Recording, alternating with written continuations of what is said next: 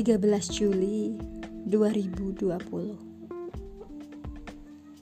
Memikirkan mereka yang tak punya handphone dan kuota untuk menyambut sekolah online hari pertama untuk anaknya. Yang jangankan handphone dan kuota atau pamer foto anaknya di depan komputer di sosial medianya.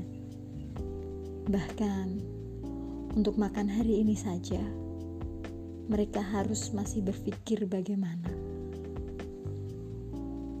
Jangan, jangan kamu katakan kepadaku bahwa handphone dan kuota mereka pasti punya semiskin apa pun jua.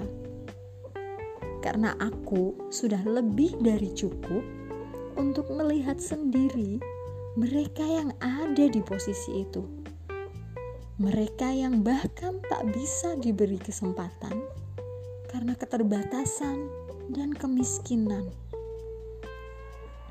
Tapi tenang saja, namanya orang tua. Mereka pasti mengusahakan walau bagaimanapun sulitnya. Dikreditkan HP agar anaknya bisa sekolah online atau dimohonkan kepada kerabat dan saudaranya untuk numpang di HP-nya agar bisa masuk grup untuk mengikuti proses pembelajaran selama beberapa jam.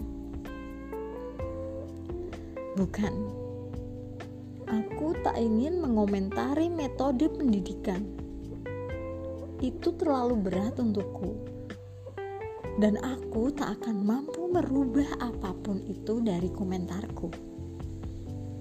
Aku hanya bersedih untuk ketimpangan yang sering kali terjadi, untuk hilangnya kesempatan. Karena kita dilahirkan tanpa privilege apa pun.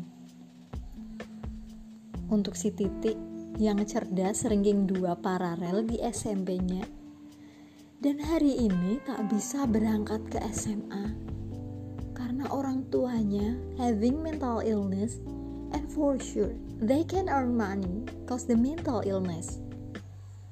And maybe no one there to give support system for her for Titi. Lalu apakah salah si Titi jika ditakdirkan memiliki orang tua dengan gangguan jiwa? Jelas bukan namun disayangkan Hal itu pula yang membuat kesempatannya hilang.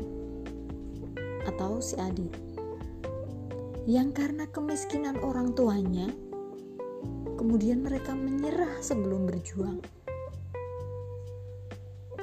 Aku benci kemiskinan, aku juga muak dengan kebodohan. Namun, aku lebih benci kepada mereka yang memiliki privilege namun masih tak tahu diri tak mengerti arti mensyukuri apa yang dimiliki, juga tak tahu arti apa itu berbagi.